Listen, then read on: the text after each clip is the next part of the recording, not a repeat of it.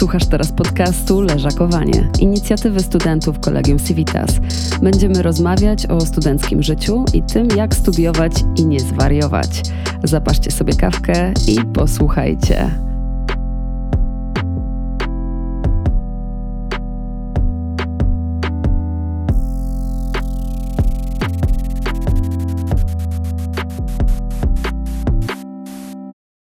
Cześć, witam serdecznie w nowym odcinku Leżakowania. E, Dziś rozmawiam z Martą Grabińską. Cześć Marta. Cześć. Porozmawiamy o tym, co student może zrobić, żeby zarobić. W tajniki tego, jak szybko osiągnąć sukces zawodowy, e, wprowadzi nas absolwentka Kolegium Civitas. Marta od pięciu lat pracuje w serwisie zajmującym się pośrednictwem pracy. Tak, myślę, że nawet możemy powiedzieć e, nazwę pracuj.pl. Nikt się nie obrazi. Partnerem naszego odcinka jest Pracuj.pl, czy jeszcze nie? Mam nadzieję, że się uda. Przechodzimy płynnie do tematu rozmowy. Pierwsza poważna praca na studiach czy po studiach, jak myślisz? Ja jestem jednak em, zwolenniczką zdobywania doświadczenia jak najwcześniej. Myślę, że najlepiej już na studiach, E, ale wiadomo, że też bardzo dużo zależy od e, branży, bo są branże, są kierunki studiów, gdzie rzeczywiście można zacząć już trochę wcześniej, e, a są branże i są kierunki studiów, gdzie jednak e, jest potrzebne to wykształcenie e, do tego zdobywania doświadczenia. Jednakże myślę, że na większości kierunków, szczególnie jeżeli mówimy o kierunkach społecznych, humanistycznych, to zdecydowanie im wcześniej, tym lepiej. A co skończyłaś na Kolegium Civitas? E, Skończyłam socjologię e, ze specjalizacją nowe media mm, na poziomie magisterskim. Mówi się na poziomie? No, w każdym razie magisterskie. Zadowolona? Zadowolona jestem, że udało mi się w końcu skończyć, bo rzeczywiście ten e, pisanie pracy troszkę więcej mi zajęło niż e, przewidywałam, ale z piątką na dyplomie, więc No to najlepiej, gratulacje. Łatwo ci było y, znaleźć pracę, kiedy jej szukałaś? Szukałaś jej w trakcie studiów? Ja w sumie pierwsze takie doświadczenie zawodowe mm, miałam już w sumie na pierwszym roku studiów licencjackich, bo trochę się przeliczyłam i wydawało mi się, że studia będą trudniejsze Mhm. i będą zajmowały więcej czasu. Okazało się po przeprowadzce do Warszawy, że tego czasu wolnego w sumie mam jeszcze całkiem sporo i że chętnie bym w coś jeszcze się zaangażowała. E, No i zaczęłam szukać jakiegoś pierwszego stażu, żeby rzeczywiście trochę tego doświadczenia zebrać i, i żeby się tak po prostu też więcej działo. No i mój pierwszy staż był e, bezpłatny. E, To tak trwało myślę, że 2-3 miesiące. Mm, Bardzo mała firma, A korzystałaś z pomocy Centrum Karier? nie, nigdy nie korzystałam z biura karier. W sumie nie wiem dlaczego. Chyba było tak na mojej pierwszej uczelni, że wymagali, żeby przyjść Mhm. do tego biura. I miałam takie, Ha. no spróbuję sama, nie? Mhm. A myślisz, że Kolegium Civitas pomaga w karierze? Jak to widzisz? Pewnie Centrum Karier e, pomaga. Ja też nie miałam doświadczenia z Centrum Karier, więc e, ciężko mi powiedzieć, e, czy, czy rzeczywiście pomaga, czy nie pomaga, ale z mojego doświadczenia, jeżeli chodzi o Kolegium Civitas, to ja akurat na, u mnie na kierunku mieliśmy bardzo wielu wykładowców, praktyków. Tutaj e, też czasami e, zdarzały się jakieś polecenia, czy rozmowy o otwartych rekrutacjach. Em, więc, więc myślę, że w ten sposób Kolegium Civitas rzeczywiście jest dosyć mocno związane, przynajmniej jeżeli mówię o moim kierunku, e, z rynkiem pracy po prostu i, i z biznesem. Myślisz, że praktyki, staż czy próba wejścia na stanowiska juniorskie, która z dróg jest najlepsza na początek? Ja myślę, że nie ma jednego przepisu, nie? Każdy ma, każdy ma swoją drogę. I pewnie będzie tak, że mm, ktoś zacznie od stażu, jak ja, bezpłatnego, potem płatnego, potem, potem pracy, e, a ktoś na przykład będzie bardzo czynnie działał w organizacjach studenckich. Myślę, że organizacje studenckie też są świetnym, świetną przestrzenią do zyskania doświadczenia zawodowego e, i myślę, że potem też łatwiej jest skoczyć wyżej i, i ominąć czasami może te, te pierwsze etapy, które ja na przykład przy swojej ścieżce musiałam przejść. HR-owcy zwracają uwagę na to, w ilu organizacjach i w jakich organizacjach studenci biorą udział, czy brali udział, czy warto jest to dopisywać do swojego CV? to myślę, że wchodzimy teraz na taki bardzo ważny temat, e, bo, bo też e, konsultowałam CV, widziałam e, na oczy wiele CV i studenci mają z tym problem, że owszem, bardzo często wpisują działalność w organizacjach studenckich, tylko że na tym się kończy ten wpis CV. Mhm. Jakby tam bardzo często się zdarza, że niestety nie ma nic więcej napisane, co, za co odpowiadali w tej organizacji, mhm. co się działo, jakie doświadczenie zyskali. Jakby byłem prezesem tak, koła naukowego i, i niestety na tym się kończy, a to, co zawsze będzie interesowało rekruterów, to doświadczenie. I to, co my faktycznie zrobiliśmy, co osiągnęliśmy, jakie wyniki, e, co zorganizowaliśmy. Więc myślę, że to jest e, bardzo ważna rzecz. Czy wszyscy rekruterzy na to zwracają uwagę? Nie, nie wiem, ale myślę, że, że powinni. Okej, okay, czyli y, polecasz konsultowanie CV, swojego CV z innymi osobami, które gdzieś już wiedzą, na czym polega cały proces rekrutacyjny i na co zwracają rekruterzy uwagę. E, to może być nasz kolega, koleżanka, czy lepiej iść do kogoś, kto się zajmuje tym zawodowo, profesjonalnie, albo po, po prostu poszukać jakiegoś HR-owca i się do niego uśmiechnąć? My jako Pracuj.pl organizujemy e, Jobicon, festiwal pracy, dwa razy w roku, w marcu i w październiku zazwyczaj. E, no i dotychczas w czasach przedpandemicznych to były stacjonarne e, targi pracy. W październiku 2020 roku przeszliśmy na online'ową wersję festiwalu pracy Jobicon i tam między innymi są właśnie organizowane konsultacje CV mhm. z ramienia właśnie Pracuj.pl i e, eksperci e, od właśnie od takiego przygotowania życiorysu prawidłowego można się zapisać wcześniej, znaczy jest to obowiązkowe w przypadku tej online'owej wersji, umówić się na godzinę i za pomocą mm, platformy internetowej można takie CV skonsultować z, z przeszkolonym konsultantem. Mhm. A czujecie jakąś różnicę między tym, jak to wyglądało w offline, a jak to teraz wygląda w online? No myślę, że to chyba najlepsze byłoby pytanie do, do kandydatów i do pracodawców. Mhm. No ja mam takie poczucie, że jednak na tym początku tej drogi zawodowej jest jednak potrzebne takie wsparcie i, i duża taka, mm, taka wyrozumiałość i też czasami wskazanie tej, tej drogi. I myślę, że, że to rzeczywiście jest dużo łatwiejsze w, w offline, e, face to face, ale to może tylko moje odczucia, może są rzeczywiście osoby, którym, którym ta forma nie jest, e, jest, jest obojętna po prostu. A czym staż i praktyki różnią się od normalnego etatu? Myślę, że to bardzo dużo zależy od firmy. E, wiele firm też e, bardzo mm, wymiennie używa tych określeń. I też każda firma tak naprawdę ma, ma swoje mm, nazewnictwo, bo może być tak samo nazwany asystent albo młodszy specjalista i, i wykonywać rzeczywiście pracę na poziomie stażysty. To też zależy od firm, jeżeli mają. Mm, korporacje zrobione e, ścieżki karier, to mają um, opisane jakby czym się różnią poszczególne stanowiska od siebie, tak? Jakie zadania um, są dla stażysty, jakie, jakie zadania są dla asystenta yy, i zazwyczaj ten poziom trudności jest yy, stopniowany, za czym też oczywiście najczęściej idą zarobki. Ale to rzeczywiście mówimy tutaj o, o tych większych firmach. Myślę, że te mniejsze firmy nie mają takich ścieżek. A czy każda praca ta pierwsza jest ważna. Mm, tak jak o tym myślałam, to jedna z pierwszych rzeczy, która rzuciła mi się na myśl, to była gastronomia. Dużo studentów idzie pracować w gastro. Można sądzić, że no nie jest to poważna praca, w sensie jest to praca taka, która, gdzie, gdzie możemy się dobrze bawić, zarobić jakieś fajne pieniądze na nasze wydatki, ale myślimy o tym mniej poważnie. Nie myślimy, no nie nauczymy się tam obsługi Excela ale za to daje nam taki rozwój kompetencji miękkich, prawda? Zdolności ogarniania e, pracy pod presją czasu.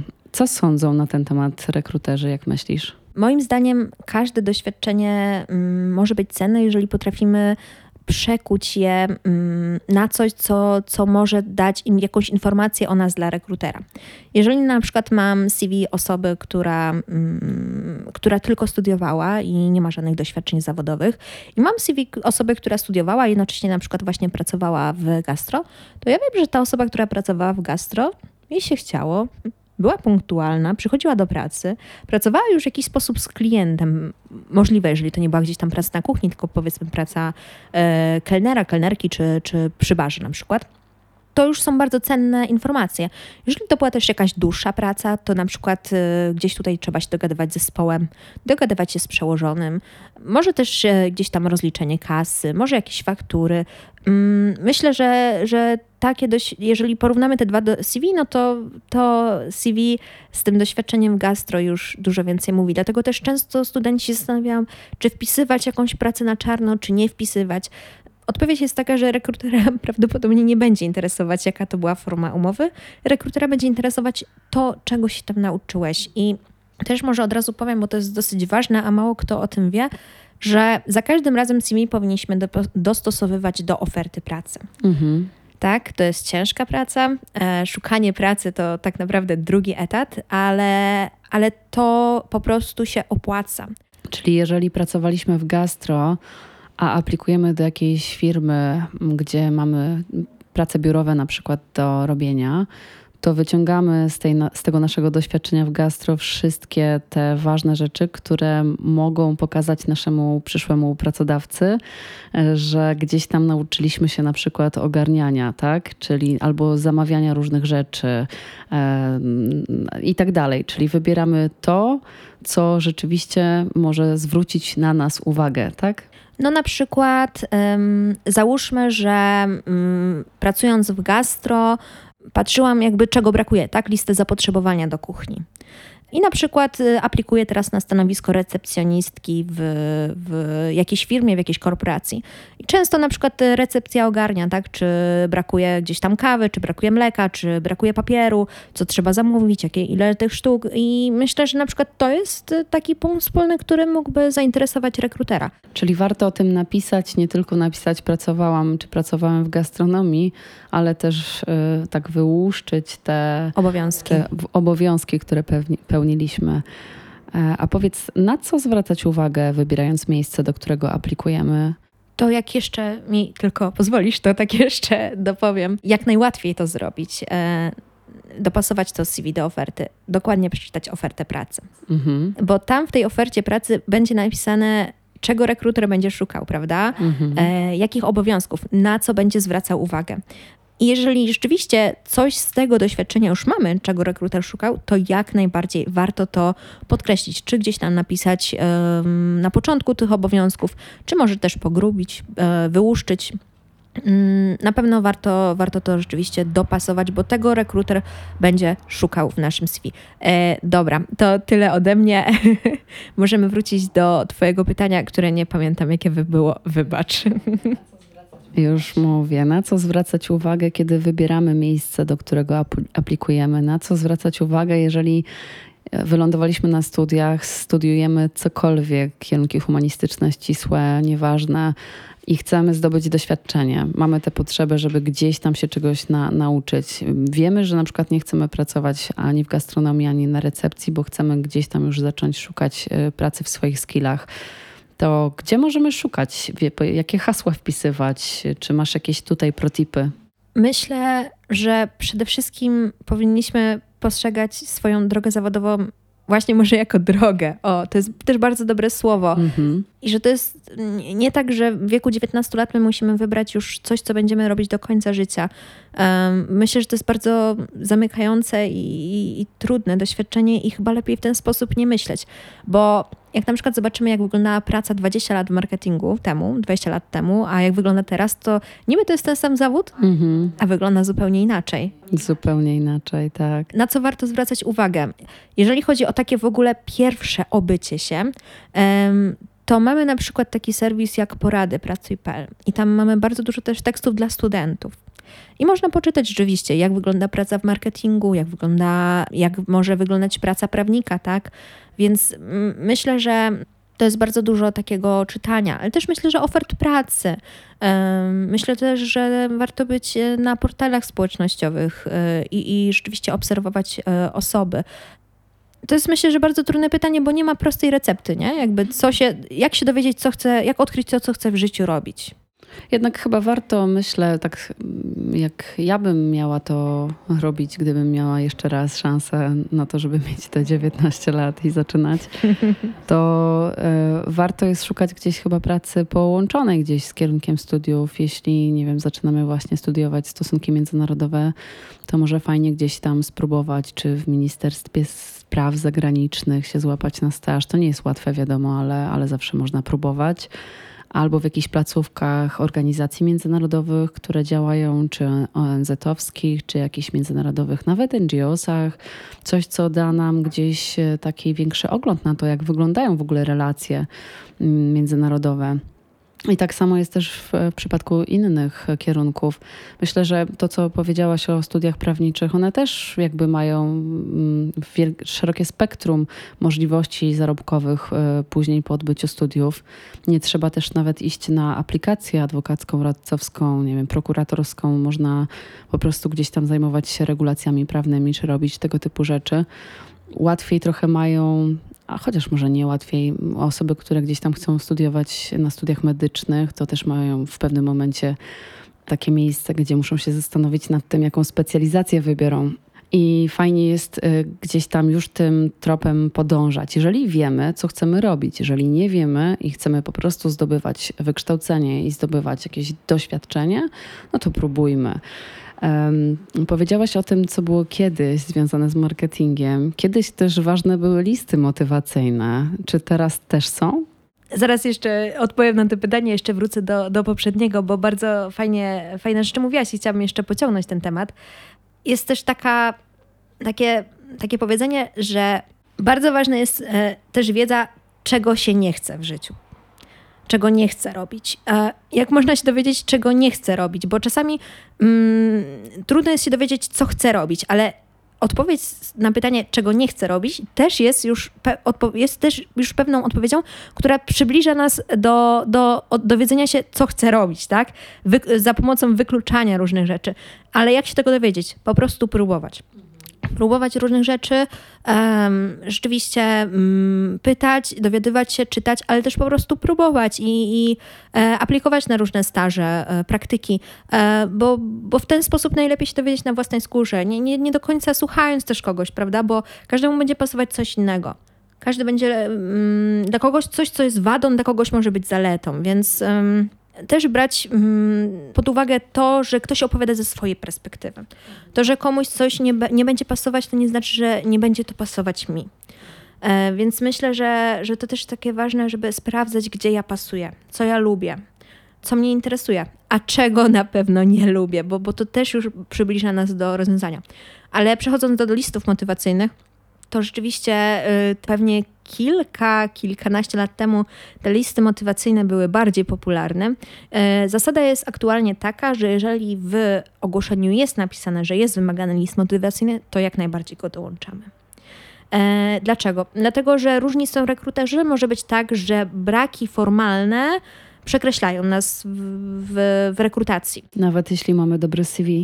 Możliwe jest, że na przykład y, nawet nie otworzą tego CV, jeżeli nie ma załączonego listu motywacyjnego. Mhm. Jest taka możliwość. Też uważam, że mm, wynika to z tego, że po prostu mamy coraz mniej czasu na wszystko i rekruterzy też mają tego czasu coraz mniej. Listy motywacyjne na pewno były dosyć wymagające. To, co trochę moim zdaniem listy motywacyjne zastąpiło, jest to profil zawodowy. Mhm. Profil zawodowy to jest miejsce w CV, Najczęściej jest umieszczany profil zawodowy tuż pod zdjęciem i danymi osobowymi, czyli na samej górze. Jest takim bardzo skróconym opisem mm, naszego doświadczenia zawodowego, naszych specjalizacji i w czym chcemy się dalej rozwijać i jak najbardziej jest to ważne, aby było ono dopasowane do ogłoszenia. Bo jeżeli jednocześnie aplikuję na przykład na stanowiska w gastronomii, jednocześnie na stanowiska, nie wiem, w marketingu, to lepiej, żeby te profile zawodowe i to, co jest moim celem zawodowym, nie było pomieszane. Mhm. A jak napisać taki list? Jak napisać taki list? Myślę, że bardzo ważnym jest to, żeby nie powtarzać informacji już z CV bo jeżeli dołączamy te dwa dokumenty, to rekruter będzie miał nasze CV. W liście motywacyjnym e, będą bardziej się liczyć nasze mm, cele, nasze osiągnięcia, e, ale też nasze motywacje do pracy. Więc e, bardzo ważne jest to, i to jest takim chyba najczęstszym błędem, że często list motywacyjny jest po prostu opisowym CV. Mhm. No to, to nie ma sensu. E, rekruterzy nie mają czasu rzeczywiście takich rzeczy czytać, więc, e, więc lepiej sobie odpuścić. A co myślisz na temat języka wykorzystywanego, używanego przez osoby, które piszą, czy CV, czy list motywacyjny? Na co zwracają rekruterzy? Czy jeżeli nasz język w liście motywacyjnym będzie zbyt swobodny, to jest y, dobrze teraz, czy, czy źle? Czy musi być super formalny? Wiesz, bo to, to jest dosyć ważna rzecz, tak też to wygląda później chyba w życiu zawodowym w, i w różnych pracach, że w jednej może być wymagane to, żeby używać bardzo formalnego języka, a w innej na przykład y, ceni się takie luźne relacje interpersonalne, bardziej zwracanie się bezpośrednio. E, Jak ty sądzisz? To wszystko zależy od branży. Jeżeli rzeczywiście branża na przykład jakaś administracyjna, czy, czy mm, jakaś powiedzmy urzędowa, państwowa, prawnicza, to myślę, że niedobrze będzie widziany zarówno język e, formalny, jak i jakieś bardzo graficzne i odjechane CV. Bo mm, też szkoda po prostu naszego czasu. Tam nikt nie będzie sprawdzał naszych umiejętności graficznych. Ale jeżeli aplikujemy do branży marketingowej, to tutaj kreatywność jak najbardziej się liczy. E, Przy wielu stanowiskach będzie się też liczyło e, swobo- lekkie pióro, prawda? Ale też to, co często ludzie nie zwracają uwagi w CV, to kropki, przecinki, Interpunkcja. interpunkcja, podobne czcionki, nagle tu jest jedna czcionka, tu jest druga, tu jest pogrubione, tu nie jest pogrubione, a w umiejętnościach ma ktoś wpisane skrupulatność. I ja tak zawsze patrzę i mówię, na pewno. Bo to jest y, taki najlepszy przykład. y, Też właśnie, to jest bardzo dla mnie ciekawa, ciekawe miejsce, gdzie umiejętności ludzie właśnie wpisują na przykład jakąś skrupulatność, kreatywność. To często są e, takie już słowa, których używają wszyscy w tym CV. I na rozmowie moim zdaniem pierwsze jest pytanie, no to jakby pani opowiedziała właśnie o tej swojej kreatywności? Jak pani wykorzystywała tę swoją kreatywność w poprzedniej pracy, tak? E, I, I wtedy często jest zaskoczenie i, i, i szok i co teraz powiedzieć. E, więc e, też myślę, że właśnie najważniejsze jest to w praktyce, prawda? I od razu widać tę skrupulatność, czy ktoś jest skrupulatny, czy ktoś nie jest skrupulatny i dokładny. A czy zauważasz zmiany pokoleń? To, że inaczej wyglądały CV 5 lat temu, a inaczej wyglądają teraz? Ja tak mogę przypomnieć sobie jeden przykład e, tego, jak kiedyś jedna z gazet e, opublikowała artykuł, już nie pamiętam która i nie pamiętam gdzie, ale dotyczył on tego, że w CV często młodzi ludzie zamieszczali zdjęcia, na przykład z filtrami albo z różnymi e, motylkami, kwiatuszkami i że to było bardzo zabawne, ale to właśnie takim zabawne, ale straszne, nie? Ja pamiętam, co to było. E, To moim zdaniem była rekrutacja, e, wydaje mi się, że we Wrocławiu na Uniwersytet Wrocławski. Możliwe, że taka poważna sprawa, nie? A tutaj, Uszy psa, nie? Na a zdjęciu. tutaj uszy psa, dokładnie. Nie róbcie tego, nie powtarzajcie tego w domu. Ale obserwuje się te zmiany pokoleń, to w jaki sposób teraz młodzi ludzie piszą CV, a jaki, w jaki sposób pisało się to kiedyś? Wiesz co, mm, jak tak sobie myślę, to błędy zdarza, zdarzają się we wszystkich generacjach. Bo jeżeli na przykład rozmawiamy o zdjęciach, to y, mi się akurat nie zdarzyło zobaczyć CV z filtrami z Instagrama. W sumie mam nadzieję, że go nie zobaczę. Nie, nie róbcie tego, ale Ale musi być takie zdjęcie, wiesz, zrobione przez fotografa. nie. E, jest, e, wiesz, w żakiecie albo w e, marynarce, koszula. Czy to już nie jest wymagane? No bo kiedyś to zdjęcie do CV, no to wiadomo właśnie, tak miało wyglądać. Miałaś być ubrana na galowo. A teraz, teraz myślę, że taki smart casual chyba wszedł na salony. To może w ogóle zaczniemy od tego, czy w ogóle dawać zdjęcie do CV, bo to też jest pytanie. O wow, a nie trzeba. Nie, nie trzeba, to nie, to nie jest obowiązek. E, Na przykład, jeżeli aplikujemy na mm, oferty pracy w Wielkiej Brytanii, to z tego co wiem, to tam e, w ogóle jest źle widziane dodawane, dodawanie zdjęcia ze względu na możliwe dyskryminację. Właśnie, to jest to, to dokładnie, że rekruter może wybierać względem swoich preferencji estetycznych, e, a nie względem kompetencji.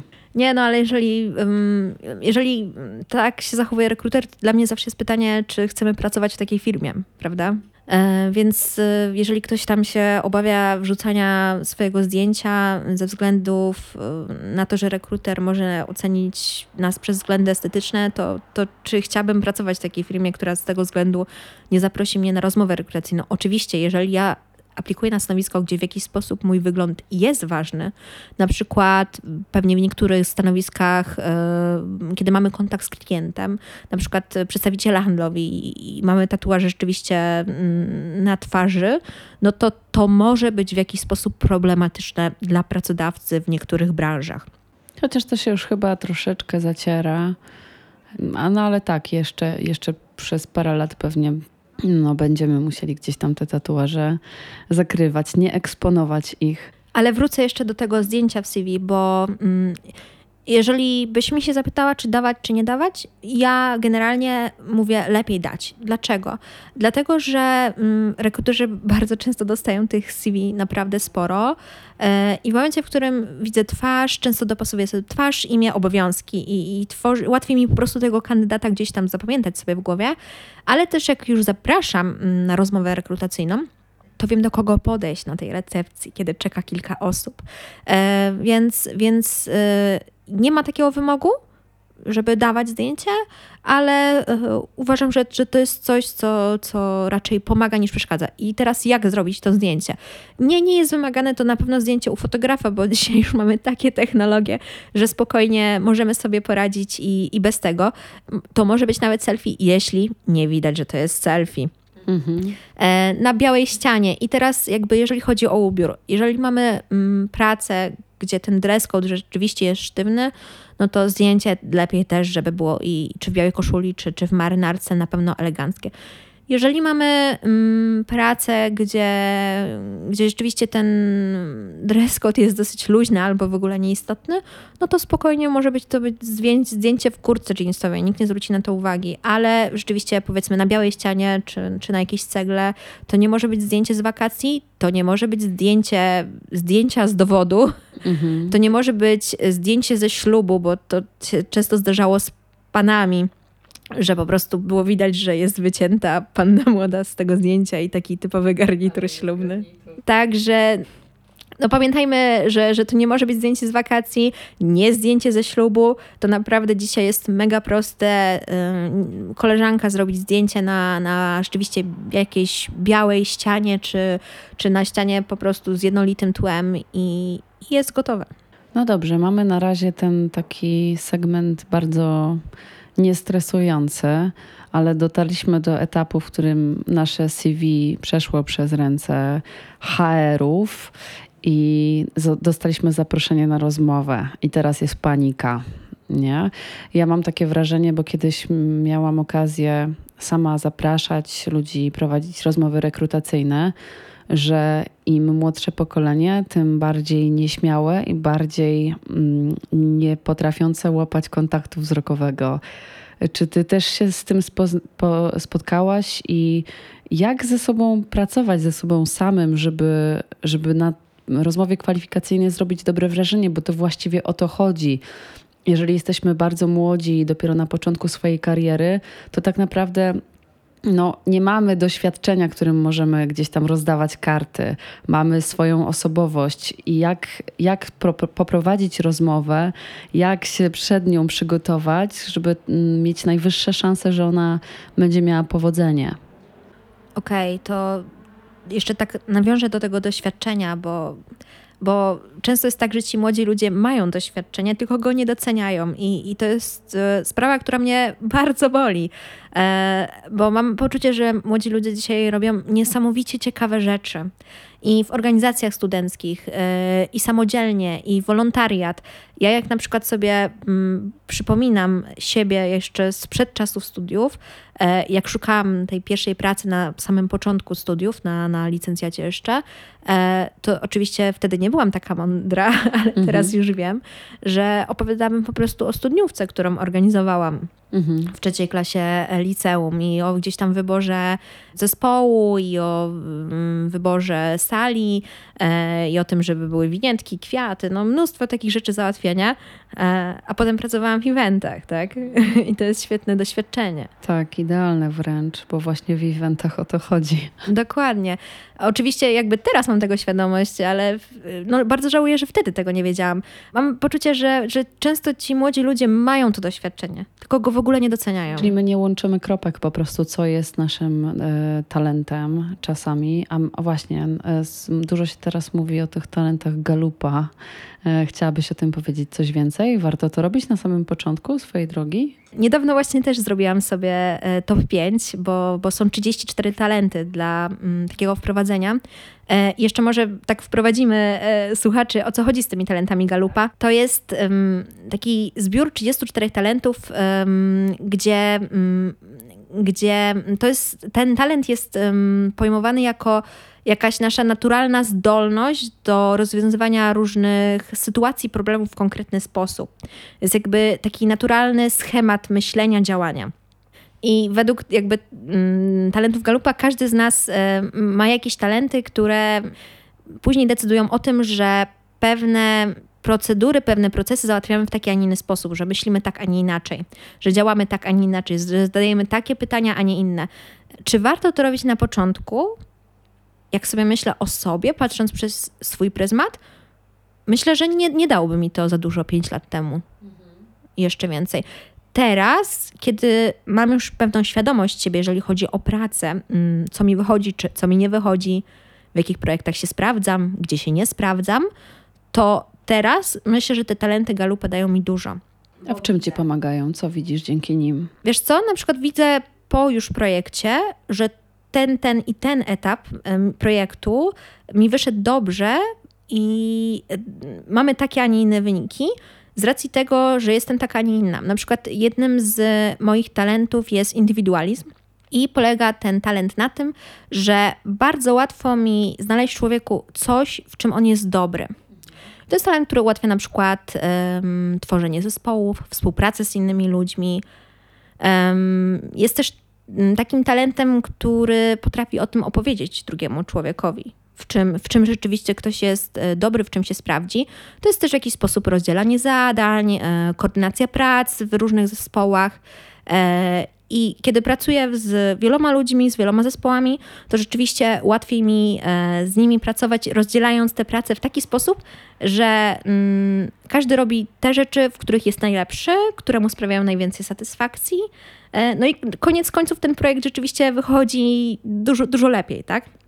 Mi się przypomina taka anegdota e, związana z tym, że to też u człowieka w jakiś sposób z czasem może się zmieniać to podejście do pracy, do ludzi, do zadań e, i że kiedy pracujemy w danym przedsiębiorstwie długo, e, to warto jest weryfikować takie rzeczy, jak, jak nasze podejście, czy ono uległo zmianie. Kiedyś jak pracowałam w marketingu, no to byłam dosyć surowa. Trochę postrzegałam, chciałam postrzegać wszystkich E, jako osoby, które są mi podobne, które będą w tak samo zaangażowany sposób zajmować się każdym zadaniem. Nie rozumiałam, czemu część osób e, postępuje w jakiś inny sposób, ma inny tryb pracy.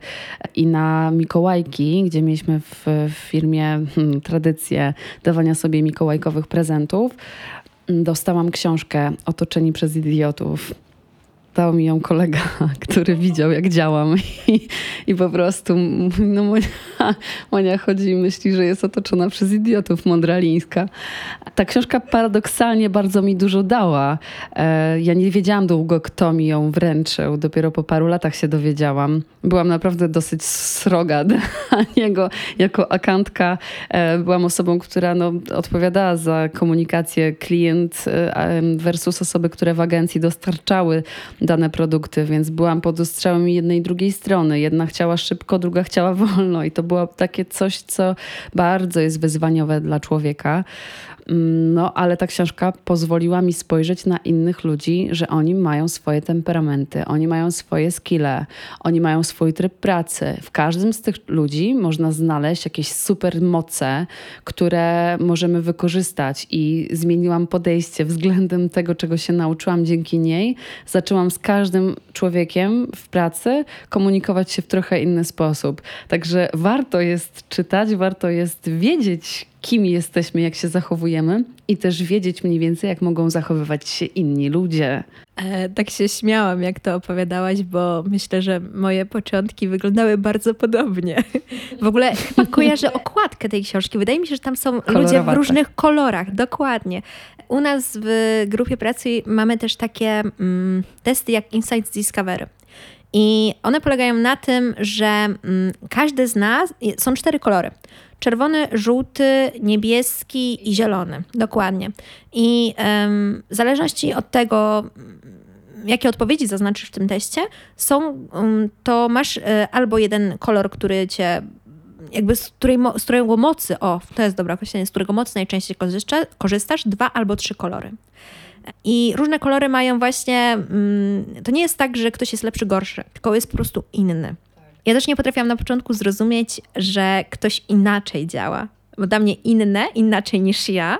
To jest źle. To jest źle, dokładnie. Dlatego też się tak śmieję. E, I też myślę, że mam fajną anegdotę. Mm, jak zaczęłam pracować, to e, tutaj w grupie Pracuj, to mm, zaczynałyśmy razem z taką e, moją koleżanką Magdą. W tym samym miesiącu, w tym samym zespole razem współpracowałyśmy i jesteśmy zupełnie różne. Jesteśmy zupełnie różne, jeżeli chodzi o pracę, jeżeli chodzi o życie prywatne też jesteśmy dosyć różne. I na początku ta współpraca była dosyć trudna. Mhm. Magda też by to na pewno przyznała, bo, bo dla nas rzeczywiście inne no było nie takie i dopiero myślę, że z czasem zaczęłyśmy czerpać z tego naprawdę niesamowitą siłę. E, bo kiedy ja nie zwracam uwagi aż takiej na szczegóły, literówki, jeżeli to nie... Mm, jeżeli to nie przyćmiewa sensu całości, tak Magda wychwyci wszystko. Na początku cię to pewnie wkurzało, a teraz sobie myślisz, kurde, napisałam coś, ej Magda, rzuć okiem. Tak, to działa, dokładnie tak. I mm, ta różnorodność jest niesamowitą siłą. Czy to też jest kwestia tego, że my bardzo często wpadamy w pułapkę myślenia, że inni ludzie mają złe intencje, a to nie jest prawda. E, I jak sobie zdajemy z tego sprawę, to nagle właśnie przechodzimy na tę, nie wiem, inną stronę ściany i to jest coś pięknego, że ten człowiek często często chce nam pomóc w jakimś stopniu, albo nawet po prostu taki jest i nie zwraca na to jakiejś wielkiej uwagi, a my myślimy, że to jest, o, jest uderzenie w nas, to jest, to, to ona chciała mi dopiec, albo on chciał mi wy, wytknąć moje błędy, a to tak nie jest. I teraz to dopiero dostrzegam, więc ostrzegamy przed tym, żebyście na początku, drodzy studenci, drogie studentki, podchodzili e, do swojej przygody z pierwszymi pracami w sposób bardziej taki, hmm, jak to nazwiemy, Marta? Może z jakimś takim większym dystansem i z taką otwartością, że może być różnie. Tak, tak, to jest właśnie to. Jak teraz wyglądają te rozmowy kwalifikacyjne w czasach pandemii? Czy to już się kończy, czy już, e, czy już e, zdalne rekrutacje przejdą gdzieś na stałe do e, kanonu? Ostatnio właśnie mm, badaliśmy użytkowników e, pod tym kątem, e, co oni sądzą w ogóle o tych rekrutacjach zdalnych i... Użytkowników. Mhm. No tak, tak, no bo jakby... Ludzi badaliśmy. no bo mamy pracodawców i użytkowników, prawda? Tak, no dobra, ale jesteśmy w podcaście studenckim. Pamiętaj, że tutaj na Luzaku rozmawiamy jak koleżanka z koleżanką dobra. przy mm, wodzie i bezalkoholowym, jeżynowym piwie. Okej, okay, to w każdym razie spora część um, ludzi stwierdziła, że bardzo im pasują te rekrutacje zdalne. Z racji tego, że nie muszę dojechać, Kiedyś to się do innego miasta trzeba było tarabanić pociągiem, samochodem, planować to, szukać, nie wiem, osoby, która zajmie się kotem, podleje kwiaty. No bo często te rekrutacje są międzymiastowe. My sobie nie zdajemy sprawy. Żyjemy, jak żyjemy w Warszawie, to żyjemy w bańce. Mhm. Żyjemy w bańce, która nam pokazuje, że jak chcemy znaleźć pracę, to no, jak jest, mieszkam na Woli, no to chyba nie będę się rekrutował na Tarchomi. A są ludzie, którzy zmieniają w ogóle miasta, nie wiem, z Krakowa do Gdańska, stamtąd, tam, na, za granicę wyjeżdżają. No to jest fajne, że właśnie możemy... Mm, no, z, z, zrekrutować się bez tego ryzyka. To trochę nam obcina koszty też, nie? E, I myślę też, że sprawia, że rekrutujemy chętniej. E, sporo firm dalej rekrutuje zdalnie, też na pracuj.pl jak, jest, jak są oferty, to jest po prostu zaznaczone, czy, czy rekrutacja jest prowadzona zdalnie, czy nie. E, ale myślę, że to też jest komfort często dla rekruterów, którzy mogą pracować też zdalnie. Mhm. A powiedz mi, bo mam takie pytanie, które mnie absolutnie nurtuje. Myślisz, że y, praca zdalna zostanie już w takiej formie z nami na zawsze? Myślę, że wiele firm e, się przekonało, że nie trzeba mieć ludzi tu na miejscu, żeby wiedzieć, że oni rzeczywiście pracują. Tak. I wiele firm się otworzy na tę pracę zdalną i myślę, że już się otworzyło, e, ale też zobaczyło, że koszty prowadzenia biur są dużo niższe. Ale to też mam takie wrażenie, że kiedyś e, pracodawca myślał, że jak ktoś pracuje zdalnie, to znaczy, że nie wiem, robi pranie, gotuje, nie wiem, robi pieli grządki a że to tak naprawdę no, nie wygląda tak. No oczywiście, może kiedyś, parę lat temu, jak ktoś e, chciał pracy zdalnej na jeden czy dwa dni, to dlatego, że nie wiem, hydraulik przychodził albo coś tam się działo. No i rzeczywiście, no, no są tak, zdarzają się takie sytuacje, ale tak naprawdę chyba pracodawców powinno interesować najbardziej to, czy praca jest wykonana, tak? a nie, nie, niezależnie od tego, w jakich godzinach. Oczywiście, jeżeli pracuje się w zespołach, i na przykład y, ważne jest to, żeby gdzieś tam jakieś projekty były dostarczone do określonego deadline'u, no to wiadomo, że no, hmm, trzeba pracować. No ale jeśli nie mamy takich, um, takich szybkich deadline'ów, tylko nasz deadline jest, nie wiem, za miesiąc, no to sobie rozplanujmy tę pracę, kiedy chcemy. Jesteś nocnym markiem, lubisz pracować wieczorami, włącza ci się po prostu najwyższy procesor po 18, to siedź sobie i pracuj po 18 jak jesteś rannym ptaszkiem i lubisz wstawać o 6 rano, to elo, no rób to. To jest fajne, że właśnie dużo ludzi e, i na, ja nie, nie jestem w stanie przytoczyć statystyk, ale na pewno możemy społeczeństwo podzielić na ranne ptaszki i nocnych marków. E, I niestety przy starym e, stylu pracy wszystkich wrzucaliśmy do jednego worka i jedni byli poszkodowani, a inni mieli spoko, nie? I teraz myślę, że to na dobre pójdzie, że że osoby, które mają jakieś, wiesz, też już są na jakiejś pozycji zawodowej, bo to też wiadomo, że to wszystko zależy od tego, jakie, jakie zadania wykonujemy, w jakiej firmie pracujemy i gdzie pracujemy i co robimy. No ale że część osób będzie miała takie, taką możliwość, żeby sobie po prostu pracować zdalnie i ogarniać e, żyćko tak, jak chce.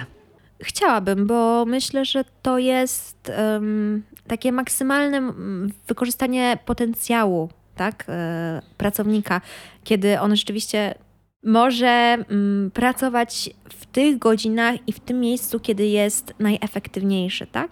Bo są obowiązki, które ja dużo lepiej wykonam w domu bo jest cisza, bo jest spokój, ja mam możliwość się skupić, a na open space w firmie tak nie zawsze mogę usiąść i dokładnie przeanalizować te dane, prawda? Poza tym też chyba taki syndrom e, co, picia kawki co pół godziny, chodzenia z laptopem pod pachą po korytarzu, snucie się w ogóle. Wiesz, no mm, kiedyś mm, czytałam taką książkę, która właściwie zrewolucjonizowała moje podejście do pracy i do poczucia sensu pracy. E, książka Davida Grebera, e, Praca bez sensu. On zapoczątkował dyskusję w ogóle na ten temat w 2013 chyba roku. Na łamach magazynu The Strike e, napisał felieton on the phenomenon on bullshit jobs, mm, czyli o fenomenie pracy bez sensu. E, no i on tam podawał przykłady e, ludzi, którzy snuli się po fabrykach z, deseczką pod pachą, no bo jak idzie z deseczką, to znaczy, że pracuje. Nieważne, że on z tą deseczką w prawo i w lewo. No możesz się śmiać spokojnie. Marta tutaj zanosi się za, za łapką śmiechu. Hi, hi, hi, no tak to wygląda, a, a w biurach to wygląda tak samo, tylko że... Musisz szybko biegać, wtedy się wydaje, że bardzo ciężko pracujesz. Tak, ale wiesz, no chodzisz z tą ryzą papieru pod albo z tym z laptopem. Z komputerem biegasz tej tak, z powrotem. No. Tak, jak, jak idziesz szybko, to znaczy, że no, uff, chyba podwyżkę trzeba przyszykować jakąś. No to jest bardzo ważne, moim zdaniem, żeby czuć sens wykonywania pracy. I teraz przechodzę płynnie do kolejnego pytania. Mm, jest takie zjawisko, na pewno przypomnisz mi, jak się nazywa, bo ja zapomniałam, kiedyś pamiętałam, ale osób, które bardzo często zmieniają pracę. E, studenci też tak mogą robić, prawda? No bo mm, chodzi mi o osoby, które mm, wytrzymują na danym miejscu pracy pół roku, rok i po prostu zmieniają sobie e, pracę po to, żeby e, szybciej awansować i szybciej dostawać wyższe pieniądze. I czy ty widzisz, że to zjawisko dalej funkcjonuje? Czy rekruterzy zwracają na to uwagę? Czy jeżeli widzisz, że 22-latek ma w CV pięć firm, których już pracował, w każdej po kilka miesięcy, to czy to jest osoba, którą zaprosisz na rozmowę, czy to jest osoba, której CV odrzucisz? Myślę, że taka osoba musi spodziewać się pytania na rozmowie rekrutacyjnej. A dlaczego pan zrezygnował z poprzedniej pracy, tak? Co panu nie odpowiadało w poprzedniej pracy?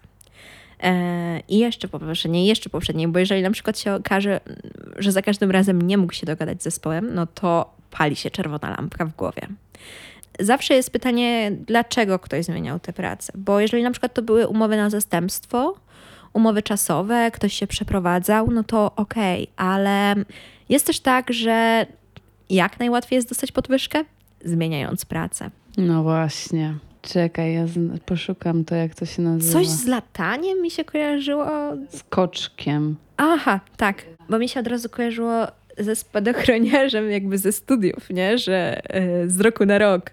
Ale jest rzeczywiście takie zjawisko, że są ludzie, którzy bardzo często zmieniają pracę i niestety trzeba umieć odpowiedzieć na to pytanie. Dlaczego pan, pani zmienił pracę? No właśnie, a jeżeli odpowiedź jest taka szczera i brzmi ona taka, bo chciałem mieć więcej pieniędzy, to co?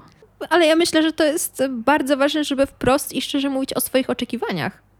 Bo mm, jeżeli chciałem mieć więcej pieniędzy, no to jakby wiadomo, na czym mi tu zależy, i, i możemy wprost przejść do rozmowy o, o zarobkach.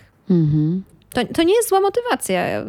To jeszcze tak wrócę do tego zespołu, że, że na przykład nie dogadywałem się z poprzednim zespołem. Ja myślę, że warto też powiedzieć wprost, bo jeżeli nie dogadywałem się z zespołem, na przykład z jakiegoś powodu nie pasował mi styl pracy w tamtym zespole, to wiadomo, że ja będę szukać czegoś innego w kolejnej pracy, przynajmniej powinienem. E, I myślę, że warto mówić e, o tym, gdzie my się dobrze czujemy, prawda? Bo bardzo bym chciała i życzyła sobie, żeby wszyscy ludzie mieli pracę, w której się dobrze czują. Więc mm, myślę, że warto było powiedzieć, jakby co nam nie pasowało w poprzednim zespole i czego ja szukam. Z jakimi ludźmi ja się będę dobrze czuć i z kim ja dobrze pracuję. No i warto sobie zadać pytanie, co ja chcę w życiu robić, mimo że nawet możemy tego dnia, tej minuty nie uzyskać od siebie odpowiedzi, to warto zadawać sobie to pytanie często i mimo wszystko szukać tej pracy. Mm, nie, mm, no właśnie, tak. Dobra, to przechodzimy do właściwie już prawie końca naszej rozmowy. A kiedy wybieramy studia, to myślisz, że warto zwracać uwagę na to, czy czeka na nas po tych studiach dobra praca i jak sprawić, żebyśmy mogli po tych studiach się dobrze, mm, dobrze zarabiać, utrzymywać. Myślę, od czego zacząć, bo mam tyle do powiedzenia, że nawet nie wiem, od czego w tym temacie zacząć. Też myślę, że z naszych też najnowszych badań mm, wynika, że coraz więcej studentów sądzi, że studia nie są warunkiem, um, ukończenie studiów nie jest warunkiem do zdobycia dobrze płatnej pracy. Um, co ja myślę, że studia raczej tego nie powinny utrudnić i lepiej je mieć niż nie mieć. A jeżeli chodzi o to, jakie kierunki pozwalają nam najwięcej zarobić, to y, w 2017-2018 roku, jak to sprawdzaliśmy na podstawie naszych danych, y, to były to m.in. doświadczenie związane z informatyką, elektroniką i telekomunikacją, automatyką i robotyką. Ale mm, myślę, że warto myśleć o studiach jako o jakimś początku naszej drogi, I oczywiście jakby studia zamykają pewną drogę, bo jeżeli ja zaczęłam studiować socjologię, to prawdopodobnie nie zostanę już chirurgiem, chyba że pójdę na, na medycynę i skończę medycynę. Prawdopodobnie też nie zostanę adwokatem. Ale na przykład socjologia otwiera tak naprawdę bardzo wiele ścieżek i bardzo dużo zależy od tego, co ja po drodze będę robił, w jakim kierunku pójdę, tak? Mogę być jednocześnie rzeczywiście badaczem, prowadzić e, badania. Mogę być jednocześnie badaczem, prowadzić badania jakościowe, ilościowe, e, co też jest dosyć coraz częstsze w różnych firmach, że posiadają też e, własne zespoły badawcze, ale też ośrodki, tak? Czy Millward Brown, czy, czy Kantar, czy, czy wiele wiele różnych firm, które prowadzi badania, co, co po socjologii jest oczywiste. Mogę zostać rekruterem, mogę pracować w marketingu. Tak naprawdę myślę, że, że te ścieżki są bardzo szerokie. Mogę zostać e, UX-em i przy różnych, wiadomo, jeszcze szkoleniach i mogę projektować różne strony internetowe. A nie myślisz, że ta bańka e, informatyków dobrze zarabiających za jakiś czas pęknie, bo będzie ich tak wielu, że te jakby płace one i tak spadną? Wiesz co, mm, jest już teraz tak, że tych początkujących programistów mamy na rynku całkiem sporo. I zacząć pracę w tej branży jest dosyć trudno, no inaczej, jest coraz trudniej niż te na przykład 5 e, lat temu. E, te płace też na samym początku wcale nie są super wysokie. Jednak z programowaniem jest tak, że dużo łatwiej nam wskoczyć po czasie pewnym na dużo wyższą pensję. Ten, ten skok po prostu jest często szybszy niż w innych branżach. E, jest też tak, że Zależy jeszcze, jeszcze w czym jesteś wyspecjalizowany, tak? Bo programiści mają jeszcze swoje języki programowania, które są e, z czasem bardziej pożądane, z czasem nie. To też jest dziedzina, która coraz bardziej się rozwija, prawda? Więc, e, więc myślę, że nie pęknie. To jest tak, że coraz wyższy jest próg wejścia, myślę, że w tę branżę, coraz trudniej jest wejść. I myślę, że tutaj będzie odsiewanie. Ja bym chciała tutaj podać jeszcze przy okazji takie statystyki. Można znaleźć sobie rankingi, w których e, uwzględniane są zarobki, jakie otrzymują studenci po e, ukończonych studiach na danej uczelni i absolwenci kierunków socjologia i stosunki międzynarodowe w, najnowsz, w najnowszym rankingu ekonomicznych losów absolwentów, ranking ELA 2020, Kolegium Civitas dwukrotnie zajęło pierwsze miejsce na podium. E, także mamy najlepiej zarabiających absolwentów e, socjologii drugiego stopnia i absolwentów stosunków międzynarodowych. Monika, to my. To, to my, dokładnie. Ty po socjologii, ja już kończę stosunki międzynarodowe, także wiesz. Właśnie, ambitni, e, chętni do rozmów, e, pokazujący, jak jest, odsłaniający to, jak wyglądają studia, życie przed studiami, życie po studiach.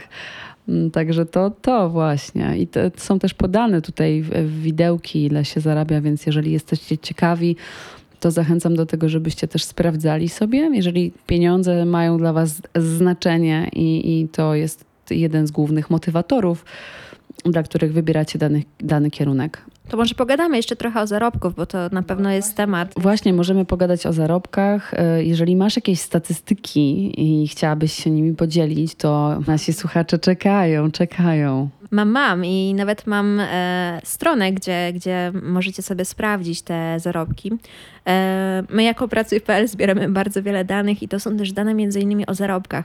I mamy taką stronę jak zarobki Pracuj.pl, gdzie znajdziecie innymi kalkulator wynagrodzeń, brutto, netto, też opisy różnych umów, e, ale tam też znajdziecie ankiety zarobkowe w takiej prostszej i bardziej skomplikowanej formie. Jeżeli mówimy o tych e, już bardzo dokładnych takich raportach zarobkowych, to wtedy wówczas trzeba być zalogowanym, wypełnić tę ankietę i też podzielić się z nami tymi danymi, żeby je dostać z powrotem. Tam są pytania m.in. o doświadczenie zawodowe, tak, o branżę, o stanowisko, o miejsce zamieszkania, bo też są inne zarobki. O benefity. O benefity dokładnie też, o, bo też są różne zarobki w Warszawie, inne zarobki będą w Rzeszowie. E, I to na końcu pokazuje jakby w którym miejscu, miejscu jesteśmy na skali, tak? Ile procent osób zarabia więcej niż my, ile procent osób zarabia mniej niż my, ile procent e, osób ma mm, takie benefity jak my, czy tam mówimy o karcie sportowej, czy o mm, samochodzie, e, też do wykorzystania na cele prywatne. Także mm, zachęcam do tego, żeby sprawdzać rzeczywiście te zarobki ale też, e, żeby patrzeć na oferty, bo coraz więcej ofert ma już podane widełki wynagrodzeń i myślę, że świadomość e, tego, jak wyglądają zarobki na rynku, pozwalają nam negocjować tę stawkę i zarabiać tyle, ile powinniśmy. Mhm, nawet na początku. Nawet na początku. Pracodawcy w sumie nie obchodzi to, ile mamy lat, tylko co robimy. Dokładnie. A powiedz jeszcze, e, wszelkiego typu Erasmusy, wyjazdy za granicę, studenci, którzy gdzieś tam właśnie sobie jeżdżą po świecie, uczą się przy okazji języków, zdobywają doświadczenie w firmach właśnie niepolskich. Czy to też jest taki niezły kąsek dla rekrutera? Wszystko zależy od tego, jakie doświadczenie zyskamy w trakcie i gdzie aplikujemy. Bo na przykład pierwsze, co mi przyszło do głowy, że rzeczywiście jeżdżąc po świecie, pracując w różnych miejscach, zyskujemy taką umiejętność pracy w wielokulturowym środowisku. Mhm. I rzeczywiście myślę, że um, dużo łatwiej będzie nam z takim doświadczeniem zdobyć pracę w korporacji, gdzie rzeczywiście um, pracują ze sobą osoby z różnych, z różnych kultur, tak? Bo, bo to rzeczywiście też wymaga pewnego obycia, które mm, my, mm, w sensie nasze pokolenie, ma bardzo często w małym paluszku w porównaniu do, do osób z, z tych poprzednich generacji. No i też chyba na to tak się zwraca uwagę. W sensie, nie wiem, ja gdybym była HR-ówką, nie wiem jak się mówi, jak, jak trzeba Rekruterem, mówić? rekruterką. U, używajmy feminatywów. E, Marto, jak ci się ze mną leżakuje? Właśnie zastanawiałam się, z czego jest ta nazwa leżakowanie. I zastanawiałam się, czy jak tu przyjdzie, czy, czy mnie położy na jakiejś kozetce, czy od czegoś się bierze to leżakowanie. Pomyślałam sobie jeszcze, że przed Kolegium Civitas były te takie drewniane... Siedziska. To było cudowne. Takie, ale tam, tam się mogło, można było prawie leżeć. Takie to było wielkie. Teraz chyba tego nie ma, jak ostatnio byłam. Nie wiem, no patrzę na nasz Pałac Kultury za okna, po prostu sobie obserwuję siedzibę Kolegium Civitas, no i już tam nie wrócę na zajęcia, ponieważ w czerwcu kończę mam nowy benefit, leżakowanie, nie? Drzemka w korpo. Myślę, że to byłoby... Czyli mówisz, że dobrze ci się leżakuje? No tak, pomyśleliśmy sobie, że właśnie kiedyś to leżakowanie kojarzyło się tak bardzo źle, y, bo byliśmy te, wtedy bardzo aktywnymi młodymi ludźmi, którzy potrzebowali e, stymulacji, zabawy, a tu dorośli ludzie każą nam położyć się na leżaku i spać. A teraz, jak jesteśmy studentami, to właśnie marzymy trochę o tym, żeby móc sobie przez chwilę poleżeć i pogadać po prostu. Ale przy pracy zdalnej już nie ma. Znaczy masz swoje łóżko. Są na prumy, w Google są na prumy, z tego co wiem. Są w różnych firmach. No tak, jak pracowałam kiedyś w marketingu, to miałam okazję, czy nie spać na prumie, ale, ale tak, był, był tour po, po obiekcie i pokazywanie tych miejsc. Wiele korporacji, chyba takich właśnie międzynarodowych, ma takie miejsca. Ale to jest tak, coś fajnego bardzo. Co byś powiedziała naszym słuchaczom, słuchaczom Kolegium Civitas, jakbyśmy miały powoli zbliżać się do końca? Chyba takie, co jest ostatnio najbliższe mojemu sercu, to żeby rzeczywiście ludzie doceniali i patrzyli na siebie tak bardziej otwarcie, co rzeczywiście w życiu robili, bo jak głębiej się zastanowisz, to bardzo często się okazuje, że ci ludzie mają niesamowite doświadczenie. Na przykład miałam, e, kiedyś rozmawiałam z dziewczyną, e, która pokazała mi swoje CV i miałam w zainteresowaniach wpisane psy. Ja tak zaczęłam z nią rozmawiać, o co chodzi z tymi psami. Się okazało, że ona jest trenerką psów i ma pokończone kursy i robi to, mm, to jest jej jakby dodatkowa praca, o czym w ogóle nigdzie nie wspomniała. Była studentką i tego doświadczenia zawodowego nie miała jeszcze bardzo dużo. Myślę, że to jest coś bardzo ciekawego. No tak, praca z psami, cierpliwość przede wszystkim pokazuje to, że jesteś w stanie radzić sobie w bardzo trudnych sytuacjach, no bo e, często behawioryści psi mają do czynienia, nie wiem, z agresywnymi psami, bardzo nieułożonymi, jak to się mówi w świecie ludzi e, i ta praca jest bardzo wymagająca i to pokazuje wiele różnych e, umiejętności. No to ciekawe.